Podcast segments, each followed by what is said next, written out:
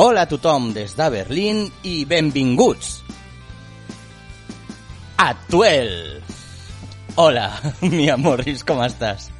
De, després d'aquesta parada dramàtica, no sé com estic. I tu, Dani Berlín? Pues jo estic molt bé. No, he volgut fer a, aquest homenatge als nostres amics de la nit més fosca.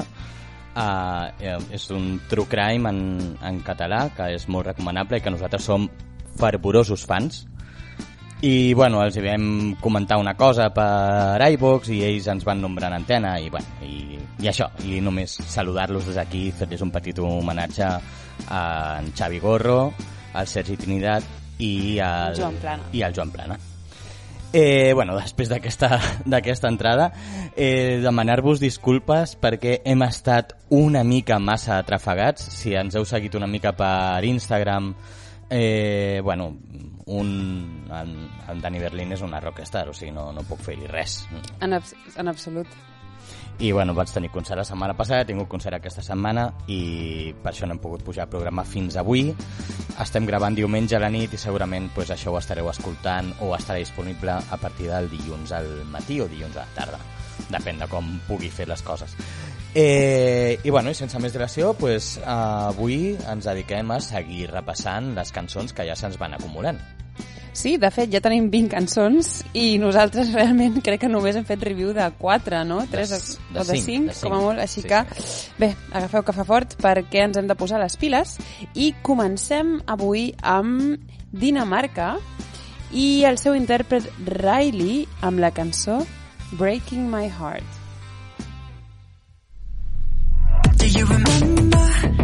Said it'd be easier if I was dead.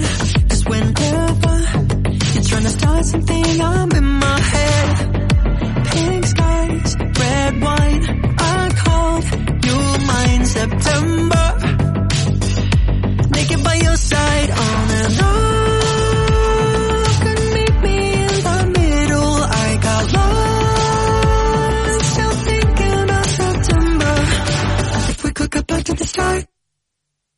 Still be falling apart. I'm not scared to love you, but I'm scared of breaking my heart.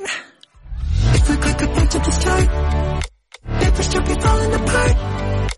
I'm not scared to love you, but I'm scared of breaking my heart. Now I remember. I Bueno, doncs així és com sona Riley, així és com sona Breaking My Heart, que serà la representant de Dinamarca aquest any. Aquesta cançó, eh, com sabràs, Mia surt del Melody Grand Prix, que és un, un format que hem anat veient tu i jo últimament aquests últims anys, i diguem que encara li queda una miqueta per arribar als seus homònims de, de més al nord, diguem-ne. És... De fet, només, és una gala només, no? És una sola gala. Eh, sí, i només hi han 8 concursants.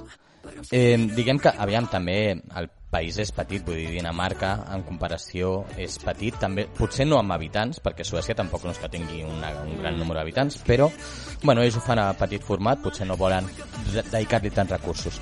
La gala és molt curiosa, perquè està dividida en dos parts, hi han dues rondes, diguem-ne. Primer, eh, surten els vuit concursants, fan la seva actuació i el públic fa una votació i d'aquesta votació surten tres eh, superfinalistes, per dir-ho d'una manera. Ok. I aquesta, aquesta votació es fa per regions de Dinamarca, Mm. com per comunitats autònomes. Cada Ok. comunitat autònoma mm, vota els seus favorits, llavors es fa com un matxembrat allà al final i surten tres. Llavors, aquests tres, curiosament, aquí sí entra el jurat professional. Es fa, es fa una segona ronda en el qual els tres tornen a actuar una altra vegada, es tornen a obrir les línies i fan 50% al jurat, 50% al públic. Vale. ok. Llavors, aquest any, t'haig de ser molt sincer, ja sé, eh, la mia pobra no, la va, no va poder veure la, la gala, i jo aquella supernit sí que vaig estar pendent de 50 gales alhora. De, o sigui, va haver un moment que em vaig tornar boig. Estava amb un ull a San Remo, amb l'altre ull a, a Romania, amb l'altre ull a Estònia. Va ser Croàcia. una locura extrema. Croàcia, locura extrema va ser. Eh, I no hi havia massa cosa. I et recomano, Mia, perquè sé que, que només saps el que jo t'he explicat, Sí. que vegis una actuació que d'una cançó que es deia I Was Gonna Marry Him, Alright. que surten dos noies cantant a duo. Per, duo és perquè canten les dues alhora. La no- mateixa melodia. Sí, sí. Eh, I les dues vestides de núvia a l'escenari. Uf! I ja hi ha com un beef. xungo, un creepy. beef de... Hòstia, jo em anava a casar amb ell. No, no, jo em anava a casar amb Home, ell. només per creepy, jo crec És- que es mereixia molt- poder... Es mereixia molt, guanyar, molt eh? creepy era. Eh, llavors, els tres se- semifinalistes van ser a Mai, Mikey Skill o Mickey Skill, que feia pop en danès, un tal Niklas Sone, que feia heavy metal pur i dur. O Sí? sigui, sí, qual. sí. Allò era com una espècie de... Era molt americà, un, un son molt, molt, molt americà de, de metal, molt més tirant a metàl·lica que a hard rock, per dir-ho d'alguna manera, molt agressiu. Eh, I després eh, el Bodan Riley, que va ser el que al final s'ho van portar. I per què va guanyar? Perquè els vots més o menys del públic, si anaven amb algú, anaven amb el Niklas Sone. Ah, sí? Amb el de Sí. heavy metal? El, el Nicolas Zone és el Mare que s'emportava més els vots del públic, però el jurat va estar, el jurat professional va estar molt polaritzat. Tinc aquí apuntats el, les votacions. El vot del públic va anar 15 per Mickey Skill, 20 per Nicolas Zone i 15 per Riley, Uh -huh. però el jurat va decantar, li va donar 8 punts a Mickey Skill, Pobre. 14 a Nicolas Zone i Ok. 28 a Riley. Mare meva, els Per tant, el jurat, el jurat ho va, va donar al guanyador, per dir-ho d'alguna manera. Vale. Eh, Una mica com el Benidorm Fest. No? Sí, una mica com el Benidorm Fest. Eh, per tant, doncs, tenim eh, aquesta cançó popera com a representant de Dinamarca. Bé, doncs està molt bé i no només la, bé, aquesta cançó no només és una cançó popera, sinó que també és una cançó representada per l'únic representant de les Illes Feroe, bueno, l'únic resident de les Illes Feroe que ha guanyat mai el Melodi Grand Prix de Dinamarca. Per tant, serà la primera persona de les Illes Feroe que recordo són més petites que la meva ciutat. Les Illes Feroe tenen un total de 50.000 habitants i d'aquí ve... Segur que tenen més ovelles que persones. Segur, bueno, no sé si ovelles, eh, perquè estan molt amunt. Bueno, no tinc ni idea de quin tipus de, de fauna hi ha, Què vols dir, que només hi ha pingüins o ossos polars? no sé. Però en qualsevol cas és l'únic representant que ve de les Illes Feroe. Eh, què podem dir d'en Rani? Doncs en Rani Pedersen és un, un Rani cantant Petersen, molt perdó, que, famós. que la Mia no, no ho ha nombrat, és el nom autèntic de, De del Riley. Bodan Riley. Perdó, perdó. Perquè no, no estem pensant, pensant en una persona diferent. Efectivament. Doncs la persona darrere de Riley es diu Rani Peterson i és una celebrity de TikTok que porta des de fa uns anys eh, bé, fent covers i ha arribat a tenir fins avui 10 milions de followers. Per tant, realment té molta, molta atracció. Un cop més, torno a repetir, molt contenta de veure gent que porti a, a gent jove a Eurovisió. És que... les, twins, les Twin Melody de les Illes Feroe. Sí. Molt bé. Exacte. I només dic que va haver-hi un mini-mini drama, eh, ja que aquest cantant, en Riley, va estar a punt de ser desqualificat perquè va tocar la cançó, aquesta cançó que, que estem escoltant ara, uh, Don't Break My Heart, o Breaking My Heart, la va tocar ja en directe a l'octubre de l'any passat en un festival, atenció, a Corea del Sud, el festival Slow Life, Slow Life, i això va en contra de les normes del Grand Prix que no deixa que els, els cantants interpretin aquestes cançons més enllà, abans de, del Grand Prix doncs, que les interpretin a qualsevol altre lloc. Però això no trenca cap norma eurovisiva, per tal, no creiem que això afecti la candidatura d'aquest eh, d'en Riley per a Eurovisió. És curiós, eh? El típic festival a Corea que invita a un feroense. Pues sí. La veritat és que els de les Illes Feroe no sé ni en quin continent, o sigui, clar que estan a Europa, però estan gairebé, clar, estan més tocant a Islàndia, no, no estan una mica Sí. penjats, però sí, igualment no queden a prop de Corea. I bé, què podem dir així una mica per sobre de la lletra? De fet, no hi ha massa cosa a dir. He llegit que en Riley va escriure aquesta cançó després de sortir d'una relació, relació tòxica, i bé, la cançó parla una mica d'això, no?, del desamor, i, i bé, de com una relació s'ha acabat i com la troba a faltar i tot això, realment no hi ha massa, massa a dir. I només com a curiositat dir que ell tenia aquesta cançó descartada. Ah, vull dir, no, no tenia pensat produir-la ni, ni posar-la en cap disc, però va decidir fer-la servir pel Melody Grand Prix, la va recuperar, la va... bé, no sé, la va arreglar i aquí la tenim. Sí, aviam, no, tampoc no hi ha massa més a dir sobre la cançó. Jo, des del principi, la trobo una public pleaser, per dir-ho d'alguna manera. És, és una cançó feta per agradar al públic, a tot, a, tot, a, a, a petits i grans, diguem-ne. És una cançó mm. molt, molt radiable i amb no massa cosa, molt repetitiva, amb molts efectes aquí i allà, amb molta producció, molts efectes de vocoder, molts efectes de, de teclat, però realment no aporta, no aporta massa. Però és bon rotllo, no? Per una Sí, cançó bon que es rotllo. diu Breaking My És una Heart cançó et bon posa de bon humor. Sí. I la posada en escena també és com molt fresca. És una mica emo, no sé si t'has fixat. Una mica així, tipus adolescent. Sí, sí. sí també no s'ha de dir que no es mata molt amb la- amb l'escenografia, és tot molt figuratiu, vull dir, és Breaking Sí. My Heart i surt un, un, un heart, un, un cor gegant Des per la des meitat. d'aquí un record al Marius Berg, que ja ho va intentar i ja sabem com li va sortir el tema del cor trencat. Però bueno, Efectivament. Però bé, alguna cosa més, Dani Berlín? doncs no, jo crec que ja podem passar a la següent cançó, que és la cançó de Romania, interpretada pel Teodor Andrei, i la cançó es diu DGT. Oricât scriu, cu oricât skill, pe orice stil Cât de fin ea mă bagă într-un film De mă simt iar copil, mă învârge în vinil Că eu vreau să joc în filmul ei yeah. Oricât stau, oricât dau, oricât vreau, oricât beau Orice top, orice toc, orice alții vorbeau Mie tot nu-mi păsau, alegeam și din mii de femei yeah. Că eu nu mă ea se ascunde Eu o sun, ea nu răspunde Mergi de box cu atâtea runde Și ca pe un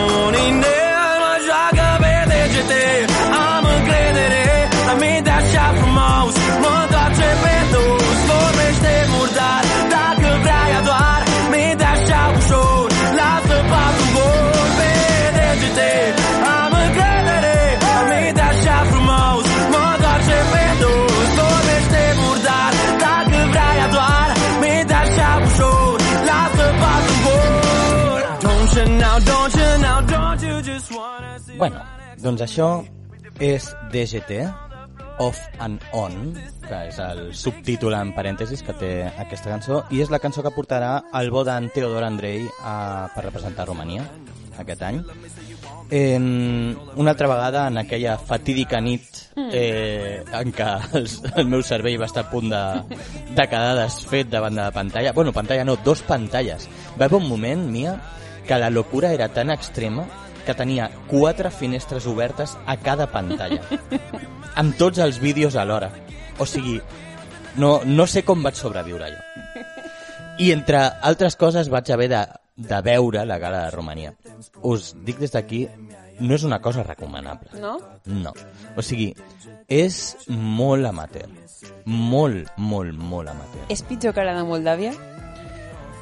Aviam, Recordem la gala és de Moldàvia, Malda... Clar, però és que són països germans. Al final jo crec que es copien perquè deuen pensar, hòstia, el que fan aquests mola. I copien i allò no, allò no hi ha per on agafar-ho.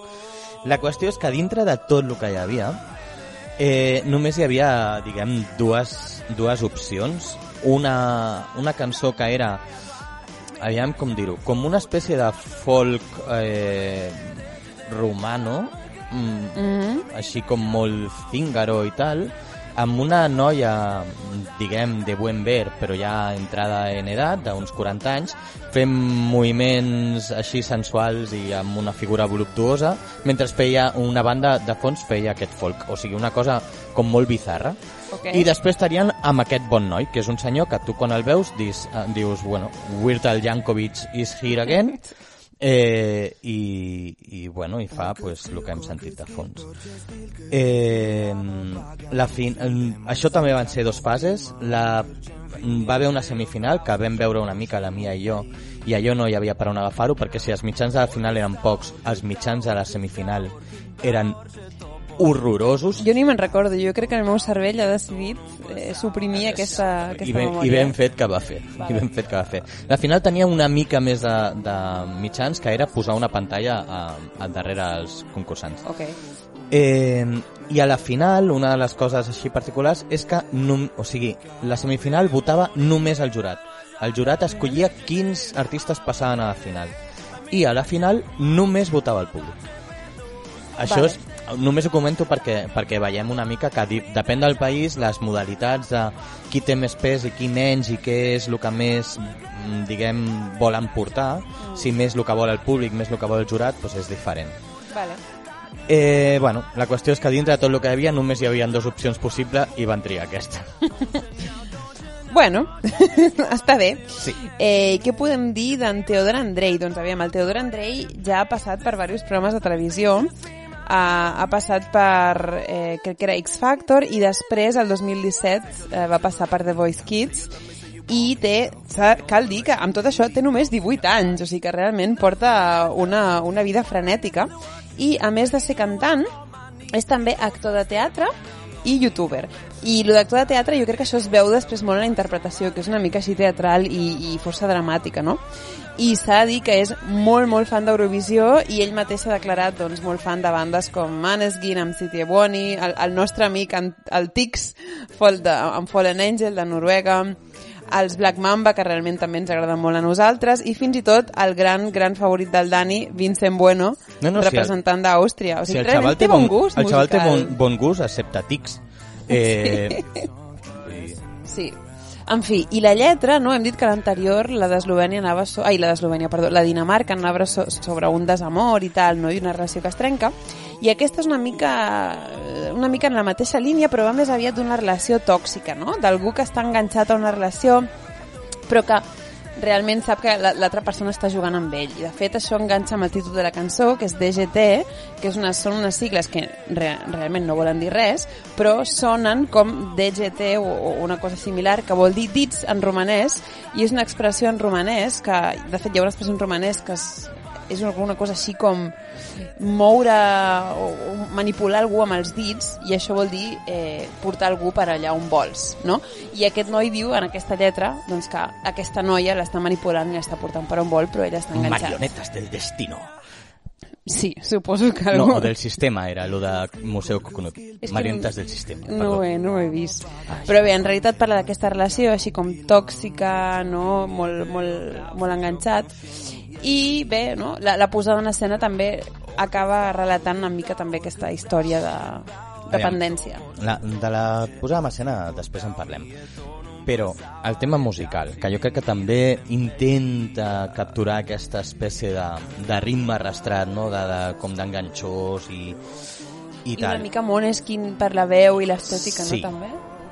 Jo tinc, tinc molt, molts problemes amb aquesta cançó perquè no sé si, si m'ha d'agradar o m'ha de, o de fer molta tírria, saps? jo crec que depèn de si veus el, a la posada en escena o no. és Si veus la possible. posada en escena fa molta grima, jo crec. Sí, sí, sí, sí això, és, això és així. Eh, però és que també tinc un problema, i és que ell, eh, eh, vaig llegir una entrevista i explica no, d'una manera... Pues com som una mica els artistes a vegades quan expliquem les coses que ens volem que ens volem donar importància, no? Allò de, no, perquè vaig fer això, perquè jo realment volia sanificar aquest sentiment i com s'ajuda... Sí, lo que tú quieras. Que, que le diste un par de vueltas y te salió esto, y ya está. Però ell, com que li explicava, no?, que primer li va sortir eh, la, tota la part instrumental i que llavors es va juntar amb un altre noi que li va ajudar a fer els ponts i que van anar avançant i que llavors van quedar un dia i tal i qual i que allò va ser, vamos, eh, l'apoteosis de creativitat i que, els, i que ja la van acabar aquell mateix dia, bueno, una cosa, una història allà el resultat final és super amateur, sobretot si escolteu eh, la versió que es va presentar ja estava retocada. La versió original de la cançó, que està amb el seu disc, és, o sigui, és eh, el organillo de la cabra, Ai, pobra. no, no, és així. I de fet, amb aquesta versió han mantingut alguns teclats, sobretot a la part del, del pont, que no sé si estaran sonant ara, just ara, que són... Sí, aquests pu-pu-pu, que això és, això és cabra total. Eh, jo no ho sé, no, no sé què li ha... que- Si el noi no té massa bon gust... Aviam, o... té 18 anys, eh? Clar, jo, jo ho vull aixecar que, a que té 18 anys i tampoc no esperaré que tingui molt de criteri. És igual que el crit al final, com a idea per demostrar que ell és capaç de fer unes coses brutals amb la veu em sembla bé, però no està ni ben, ni ben executat, ni té bon gust, ni, ni pega res amb la cançó.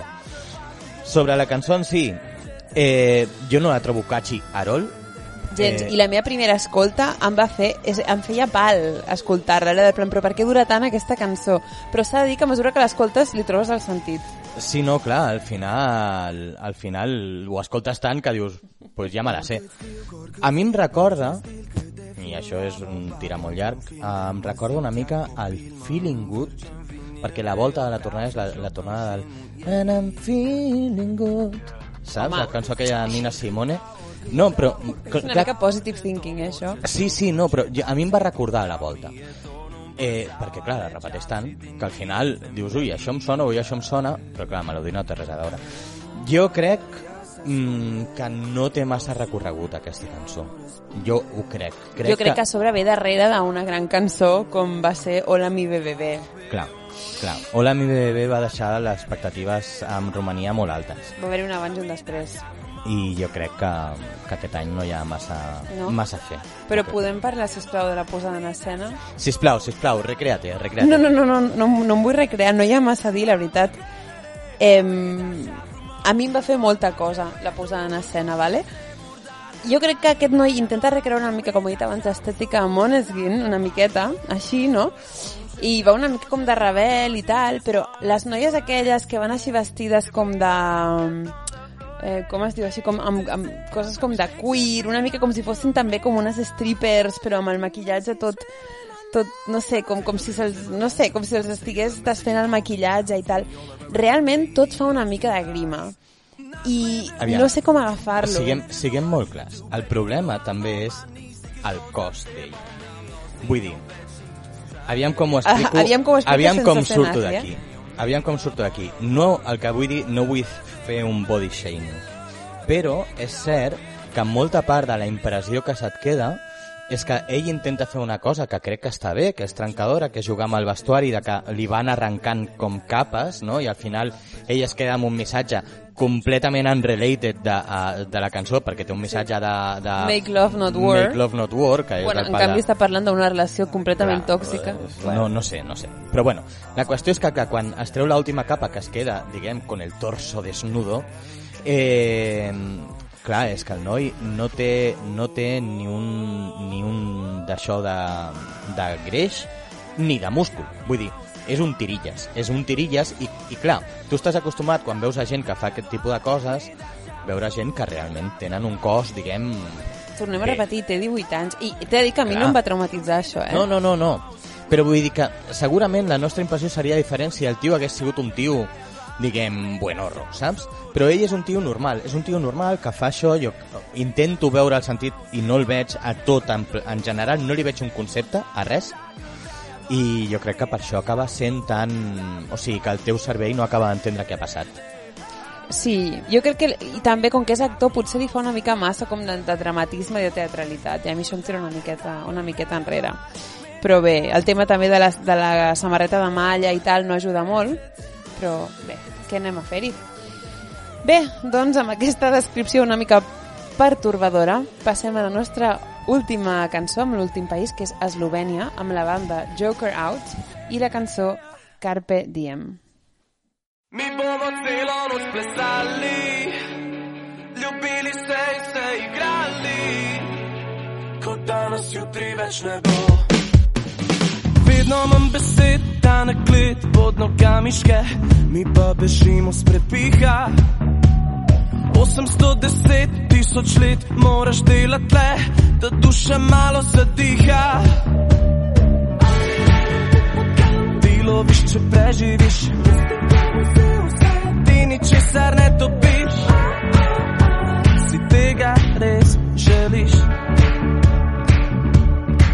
Igra sovraštva je za vas. Hvala lepa, ne računajte na nas. Na nas. Mi bomo celo noč plesali, ljubili se in se igrali, kot danes jutri več ne bo.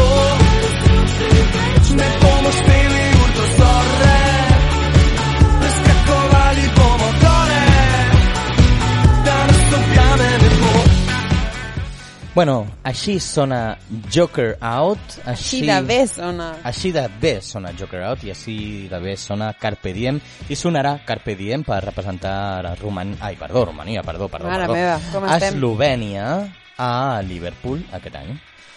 Eh, en aquest cas, eh, sento decepcionar-vos, no hi ha hagut una selecció d'estes loques. Eh, Oh. no, això ha sigut selecció interna.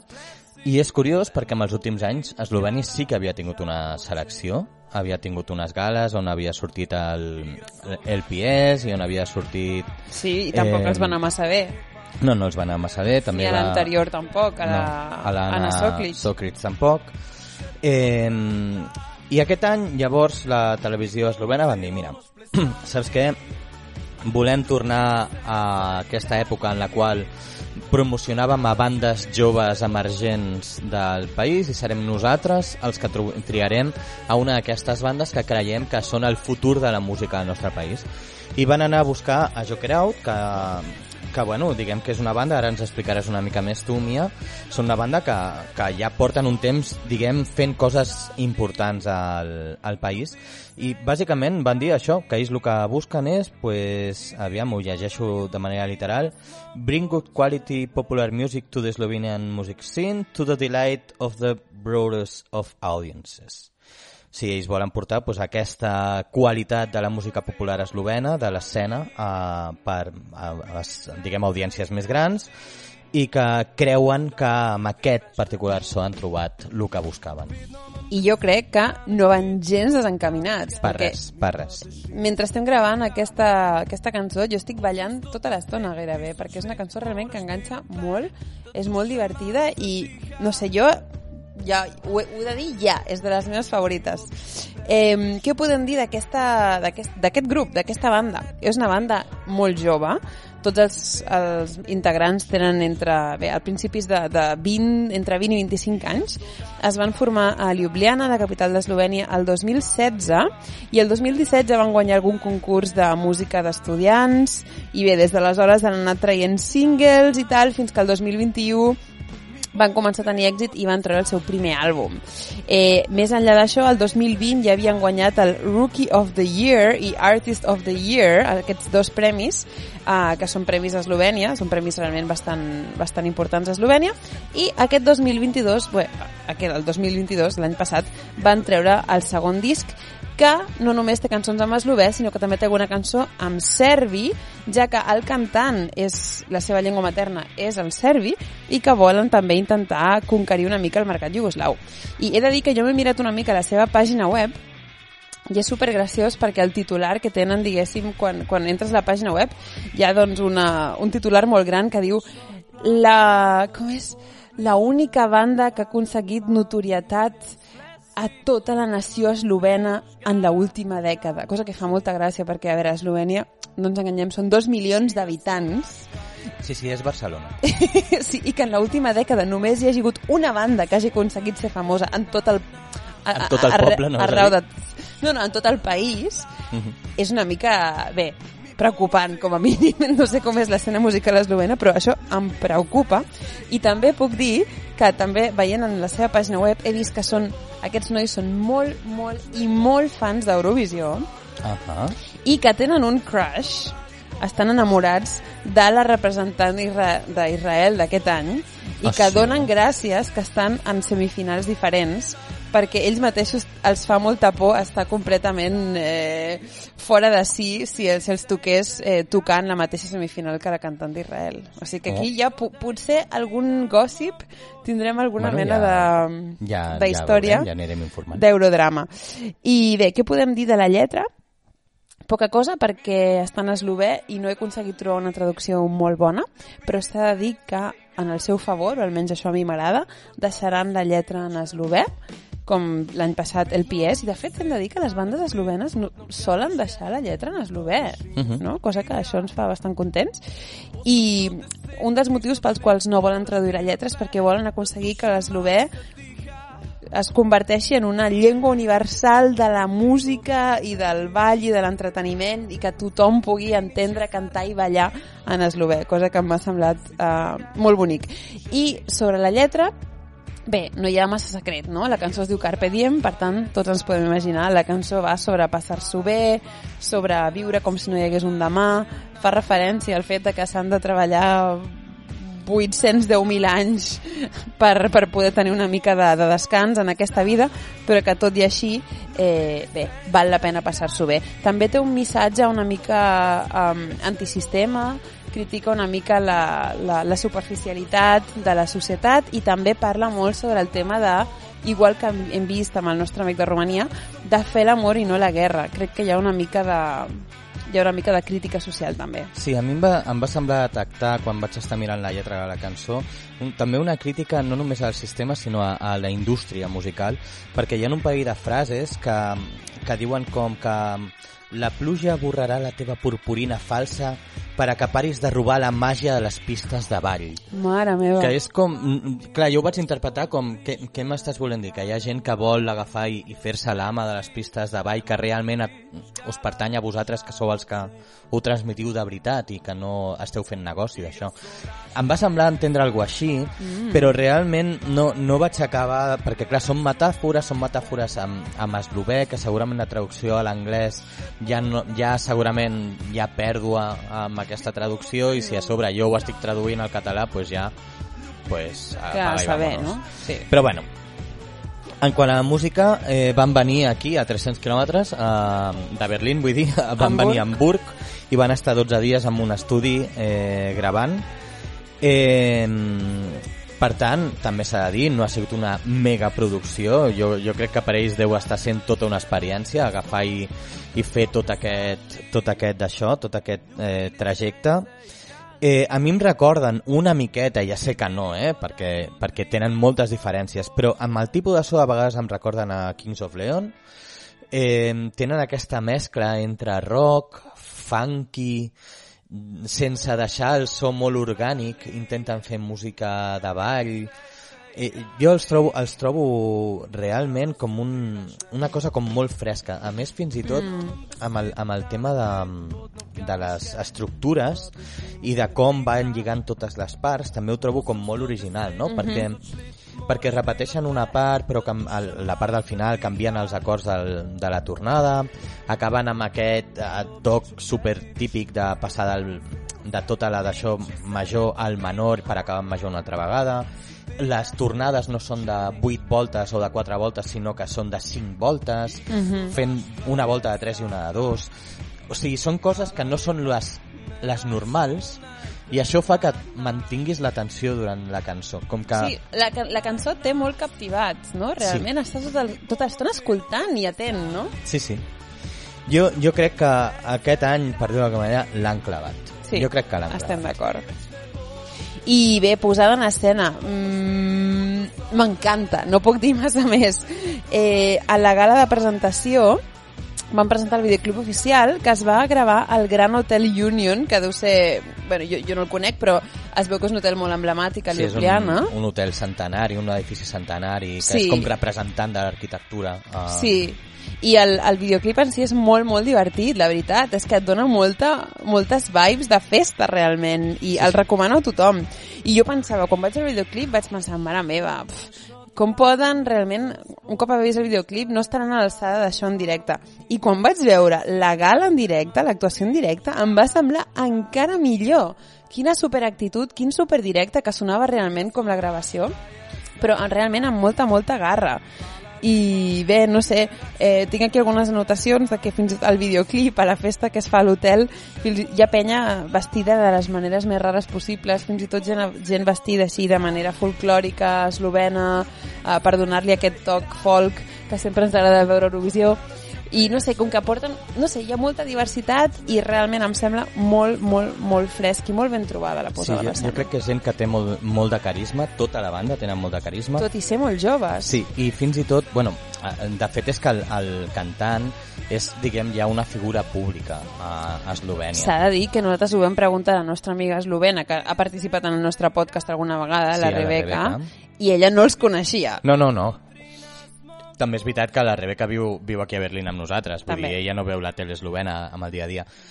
Però jo, per al que vaig llegir, bueno, es veu que ell té bastant, bastant recorregut a dintre de, de l'escena televisiva allà i fins i tot l'any passat va presentar la gala de, en la que van sortir escollits el Pies Anda. i va fer una actuació amb una altra cantant eslovena uh, de GTA Boni de, de Måneskin i la veritat és que estava, estava bé, estava guai eh, i bueno um, jo crec que amb això dit ja, ja hem acabat la feina d'avui, no, Mia? Doncs sí, ja hem repassat les tres cançons i bé, eh, la setmana que ve tornarem amb unes altres tres i fins aleshores doncs esperem que us ho passeu molt bé i que ens escoltem molt aviat. Així que Pues que, pues, això mateix, això mateix. No, no tinc res més a afegir. Que us ho passeu molt bé i anirem penjant coses a les xarxes socials entre, entre mig, eh, perquè vaig tocar alguna cançoneta així xula a, amb aquests eh, concerts que he fet. I res, fins a la setmana que ve. Que vagi bé. adeu! Ne bo Ne bomo šteli urdozore Preskakovali bomo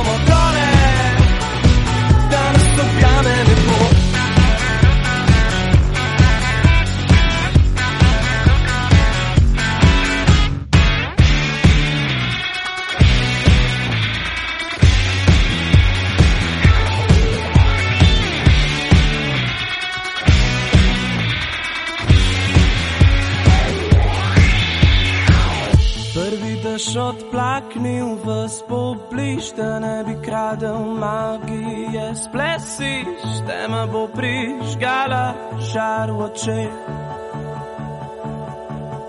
Igra sovraštva je za vas, hvala lepa, ne računajte na nas, še bolj na glas. Mi bomo celo noč plesali,